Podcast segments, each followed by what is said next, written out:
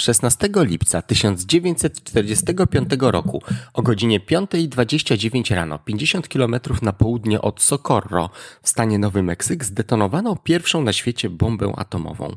Była to kulminacja projektu Manhattan, jednego z największych i najdroższych programów w historii świata. Jednak przed tym wydarzeniem naukowcy i inżynierowie, którzy pracowali nad projektem, nie byli całkowicie pewni, czy zadziała. A jeżeli zadziała, to jakie będą wyniki? Dowiedz się więcej o teście Trinity. W tym odcinku wszystko wszędzie.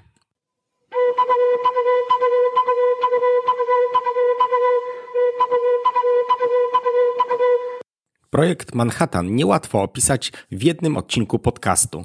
Koszt projektu był oszałamiający, wynosił 1 miliard dolarów i to w czasach, kiedy to znaczyło naprawdę dużo pieniędzy. Liczba osób, które pracowały nad projektem również była oszałamiająca, zwłaszcza biorąc pod uwagę, że Stany Zjednoczone w tym czasie znajdowały się w środku wojny na dwa fronty. Chociaż teoretyczna nauka stojąca za zbudowaniem bomby była dosyć znana, daleko było od technicznej wiedzy o tym, jak praktycznie można to zrobić. Wśród naukowców biorących udział w projekcie Manhattan odbyło się kilka debat dotyczących tego, jak najefektywniej i w jaki sposób technicznie można zbudować bombę, która zadziała i będzie w miarę bezpieczna. Istniały różne teorie na temat tego, jaki sposób działania powinien zostać rozwinięty. Nie chodziło o to, co może działać, ale także o to, co będzie najłatwiejsze do zbudowania i do technicznego utrzymania.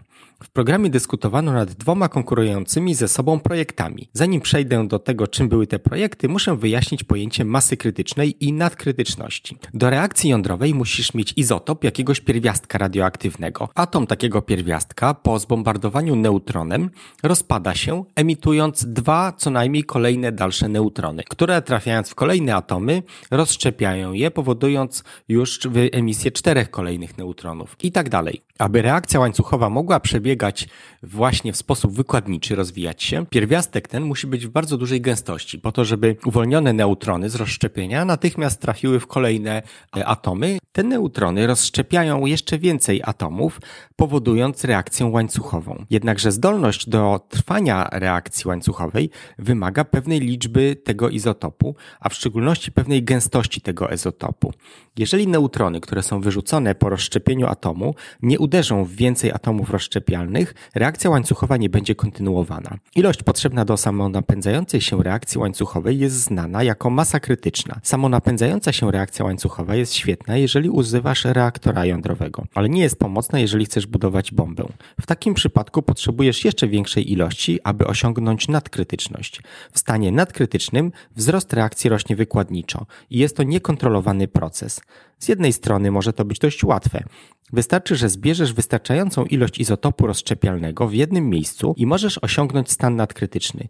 Z drugiej strony jest to naprawdę niebezpieczne.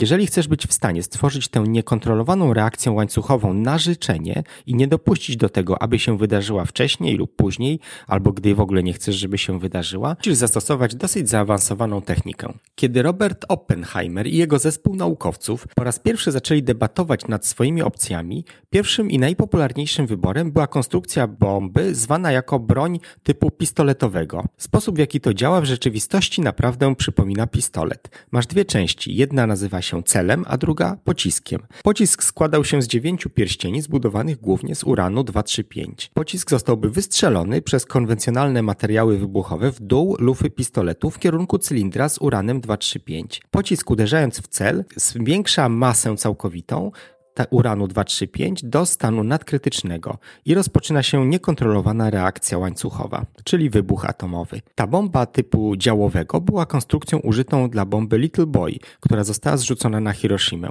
Z inżynierskiego punktu widzenia była to tak prosta i wyliczalna konstrukcja, że zaniechano przeprowadzenia testu i nigdy go nie wykonano wcześniej przed zrzuceniem bomby. Naukowcy i inżynierowie byli tak pewni, że zadziała, ponieważ jak mówili, to tylko matematyka. Jednak projekt typu pistoletowego nie był jedynym, który został zaproponowany.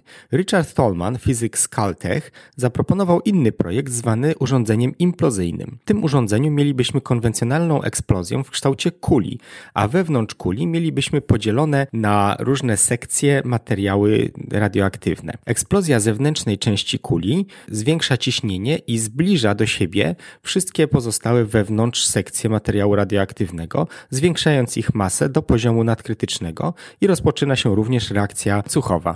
Urządzenie implozyjne początkowo nie cieszyło się dużym poparciem, ponieważ uważano je za zbyt skomplikowane. Naukowcy nie patrzyli tylko na uran 235 jako materiał rozszczepialny. Przyglądali się również plutonowi 239. Plutonowa wersja bomby Little Boy była znana jako Thin Man, czyli chudy facet, głównie dlatego, że była bardzo długa i cienka. Jednak bomba plutonowa nie była zbyt praktyczna. Chudy człowiek, Thin Man, musiał mieć co najmniej 5,2 metra długości. Nie było w tamtym czasie samolotów, które mogłyby przenieść tą bombę bez specjalnych modyfikacji, ale nawet wtedy bomba nie byłaby zbyt aerodynamiczna po zrzuceniu. Istniało też znacznie większe ryzyko przypadkowej detonacji bomby typu plutonowego. Spowodowało to ponowne rozważenie idei implozji Tolmana. Na papierze implozja wyglądała dobrze, o wiele lepiej niż bomby działowe, typu pistoletowego. Powoduje to szybką reakcję, co skutkuje uwolnieniem większej energii dla tej samej ilości materiału rozszczepialnego. Problemem implozyjnej bomby atomowej był fakt, że nigdy wcześniej nie zbudowano czegoś takiego, a matematyka, która za tym stała, nie była tak dobrze zrozumiana. Kontynuowano pracę nad urządzeniem implozyjnym, a w tym miejscu powinienem zauważyć, że prawdziwym wyzwaniem w projekcie Manhattan, w którym wydano już większość pieniędzy, było wzbogacenie i tworzenie uranu 235 i plutonu 239. To było 80% budżetu całego projektu, w którym zdecydowana większość siły roboczej została ulokowana. Uran 235 powstawał w Oak Ridge w stanie Tennessee, a Pluton w Hanford w stanie Waszyngton.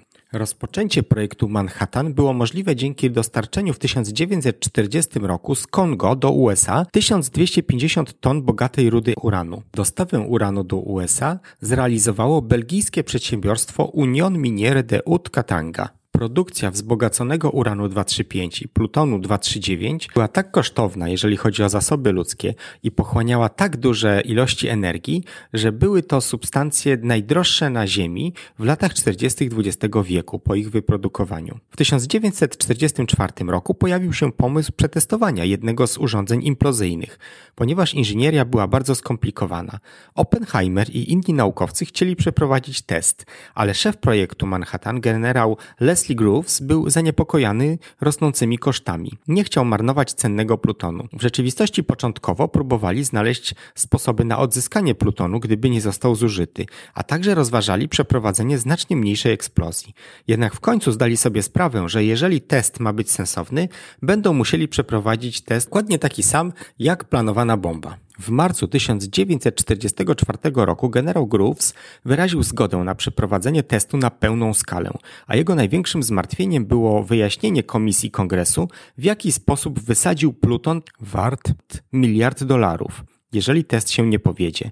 W wrześniu 1944 roku wybrano miejsce znajdujące się na poligonie Alamo Gordo w Nowym Meksyku. Była to posiadłość należąca do władz federalnych, która była płaska z niewielkim niebezpieczeństwem, że opad spadnie na ludność cywilną. Miejsce to zostało nazwane przez Roberta Oppenheimera The Trinity Site na cześć wiersza XVII-wiecznego angielskiego poety Johna Donona. Chodzi tu o wiersz Better in my heart Three Persons God, Holy Sonnet 14. Na początku 1945 roku skończono bazę, w której pracowała stale rosnąca liczba osób.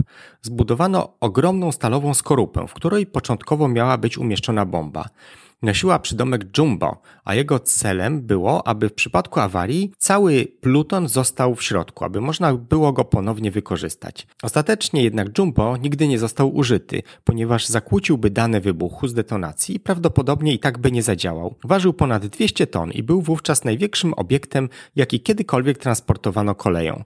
W obozie stworzono również specjalne bunkry, miejsca obserwacyjne i opracowano specjalne szybkie kamery, aby uchwycić eksplozję. Ze względu na wszystkie unikalne urządzenia wymagane do nagrywania i obserwowania testu, w rzeczywistości wykonano próbną eksplozję przed właściwą eksplozją. 7 maja ponad 100 ton konwencjonalnych materiałów wybuchowych zostało zdetonowanych na drewnianej platformie w wysokości 5 metrów. Próba okazała się bardzo potrzebna, ponieważ okazało się, że zdetonowano materiał o 0,2 sekundy wcześniej niż planowano. Może się to wydawać niewiele, jednak kiedy masz kamerę filmujące z prędkością kilku tysięcy klatek na sekundę, staje się to naprawdę ważne. Znaleziono również wiele problemów z platformami komunikacyjnymi i obserwacyjnymi, które stworzono. Podczas gdy poligon testowy był przygotowany, montowano bombę, która stała się znana jako The Gadget. Gadżet miał trafić na szczyt stalowej wieży o wysokości 30 metrów. Kiedy gadżet został podniesiony na szczyt wieży, dosłownie umieszczono nad nim ciężarówkę pełną materacy na wypadek, gdyby został przez przypadek upuszczony. Ostatecznie uzbrojenie urządzenia nastąpiło 15 lipca o godzinie 22. Na miejsce planowanego testu przyjechało 450 osób, w tym wielu VIP-ów, naukowców, żołnierzy, którzy byli obserwatorami pierwszego testu. Należy zauważyć, że nadal toczyły się jeszcze ożywione debaty na temat tego, co się stanie. Do tej pory wszystko było tylko teorią.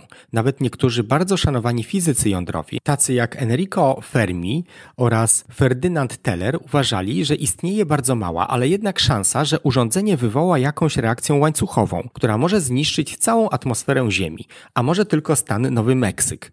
Osoby obserwujące test ustawiły pulę zakładów na rzeczywistą wielkość wybuchu i równowartość ton trotylu. Zakłady wahały się od zera, co byłoby totalnym niewypałem, do 40 5 kiloton Edwarda Thalera, który na tyle postawił. Sam Oppenheimer uważał, że będzie to tylko 0,3 kilotony. Ustawiano 50 kamer, w tym nieruchomych, jak i ruchomych, aby uchwycić eksplozję. Jedna z nich była w stanie wykonywać 10 tysięcy klatek na sekundę. Oczekiwano na lepszą pogodę, która była prognozowana na 18 lub 21 lipca.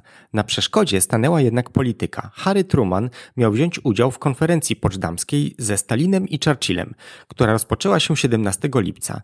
Tak więc 16 lipca był datą, która została wybrana jako ostateczna data próbnej eksplozji. Detonację zaplanowano na czwartą rano, ale lekki deszcz opóźnił ją o półtorej godziny. O godzinie 5.29 i 21 sekund zdetonowano pierwszą na świecie bombę jądrową. Eksplozja była znacznie większa niż przewidywała to większość naukowców. W 2021 roku ponownie zmierzono ją i otrzymano wynik 25 kiloton trotylu przy wykorzystaniu oryginalnych danych. Była to największa eksplozja w historii ludzkości w tamtym czasie, ponad 10 razy większa niż siła eksplozji w Halifax. Kiedyś nagramy o tym osobny epizod. Ci, którzy później zapisali wspomnienia z wybuchu, komentowali jasność światła oraz moc i ciepło wybuchu. Jedną z nieprzewidzianych konsekwencji wybuchu było to, że piasek pod bombą zamienił się w szklankę. Szkliska substancja została nazwana trinitytem. Trinityt był zbierany przez ludzi przez lata, którzy wędrowali na miejsce testów, aż w końcu zostało to zabronione przez rząd USA. Ale trinityt, który został zebrany przed zakazem, jest nadal legalny i można go kupić w internecie. Gadżet, który został zdetonowany na poligonie Trinity, był tym samym typem bomby, która została zrzucona na miasto Nagasaki w Japonii. Bomba zrzucona na Hiroshimę była uranowym urządzeniem typu pistoletowego, które nigdy więcej nie zostało użyte, ponieważ urządzenia implozyjne okazały się o wiele bardziej skuteczne. Test Trinity został ostatecznie upubliczniony po zbombardowaniu Hiroshimy, ale co dziwne, nauka naukowcy z Kodak Corporation zorientowali się, że musiało dojść do detonacji na amerykańskiej ziemi, zanim został ogłoszony wynik tego testu. Klienci Kodaka zaczęli skarżyć się na plamy pojawiające się na wrażliwszej kliszy wykonanej dla aparatów rentgenowskich zaledwie miesiąc po teście Trinity. Miało to związek z użyciem w kartonowych pudełkach, których pochodziły ze skażonych drzew w Indianie, które zawierały śladowe ilości opadu radioaktywnego. Dziś Trinity Test Site jest narodowym miejscem historycznym Stanów Zjednoczonych Zjednoczonych, a w miejscu Grand Zero znajduje się pomnik, który został wzniesiony w 1965 roku. Miejsce pierwszego na świecie wybuchu jądrowego można odwiedzić dwa razy w roku, w pierwszą sobotę kwietnia i w pierwszą sobotę października, ponieważ poligon dalej jest używany przez siły zbrojne Stanów Zjednoczonych. Udany test Trinity w zasadzie oznaczał koniec projektu Manhattan. Misja naukowców została wykonana. Początkowa radość z udanego testu szybko zmieniła się w ponurą rzeczywistość, gdy naukowcy zdali sobie sprawę z konsekwencji tego, co wykonali. Nastrój ten chyba najbardziej podsumował sam Robert Oppenheimer, który po latach napisał o teście trójcy. Widzieliśmy, że świat nie będzie taki sam. Kilka osób śmiało się, kilka osób płakało, większość ludzi milczała. Przypomniałem sobie wtedy cytat, który mówi: Teraz stałem się śmiercią, niszczycielem światów. Przypuszczam, że wszyscy myśleliśmy wtedy w ten czy inny sposób podobnie. Wszystko wszędzie to młody podcast. Potrzebuję Twoich subów, lajków i udostępnień. Dziękuję, że jesteście z nami i do następnego razu. Bądźcie ciekawi.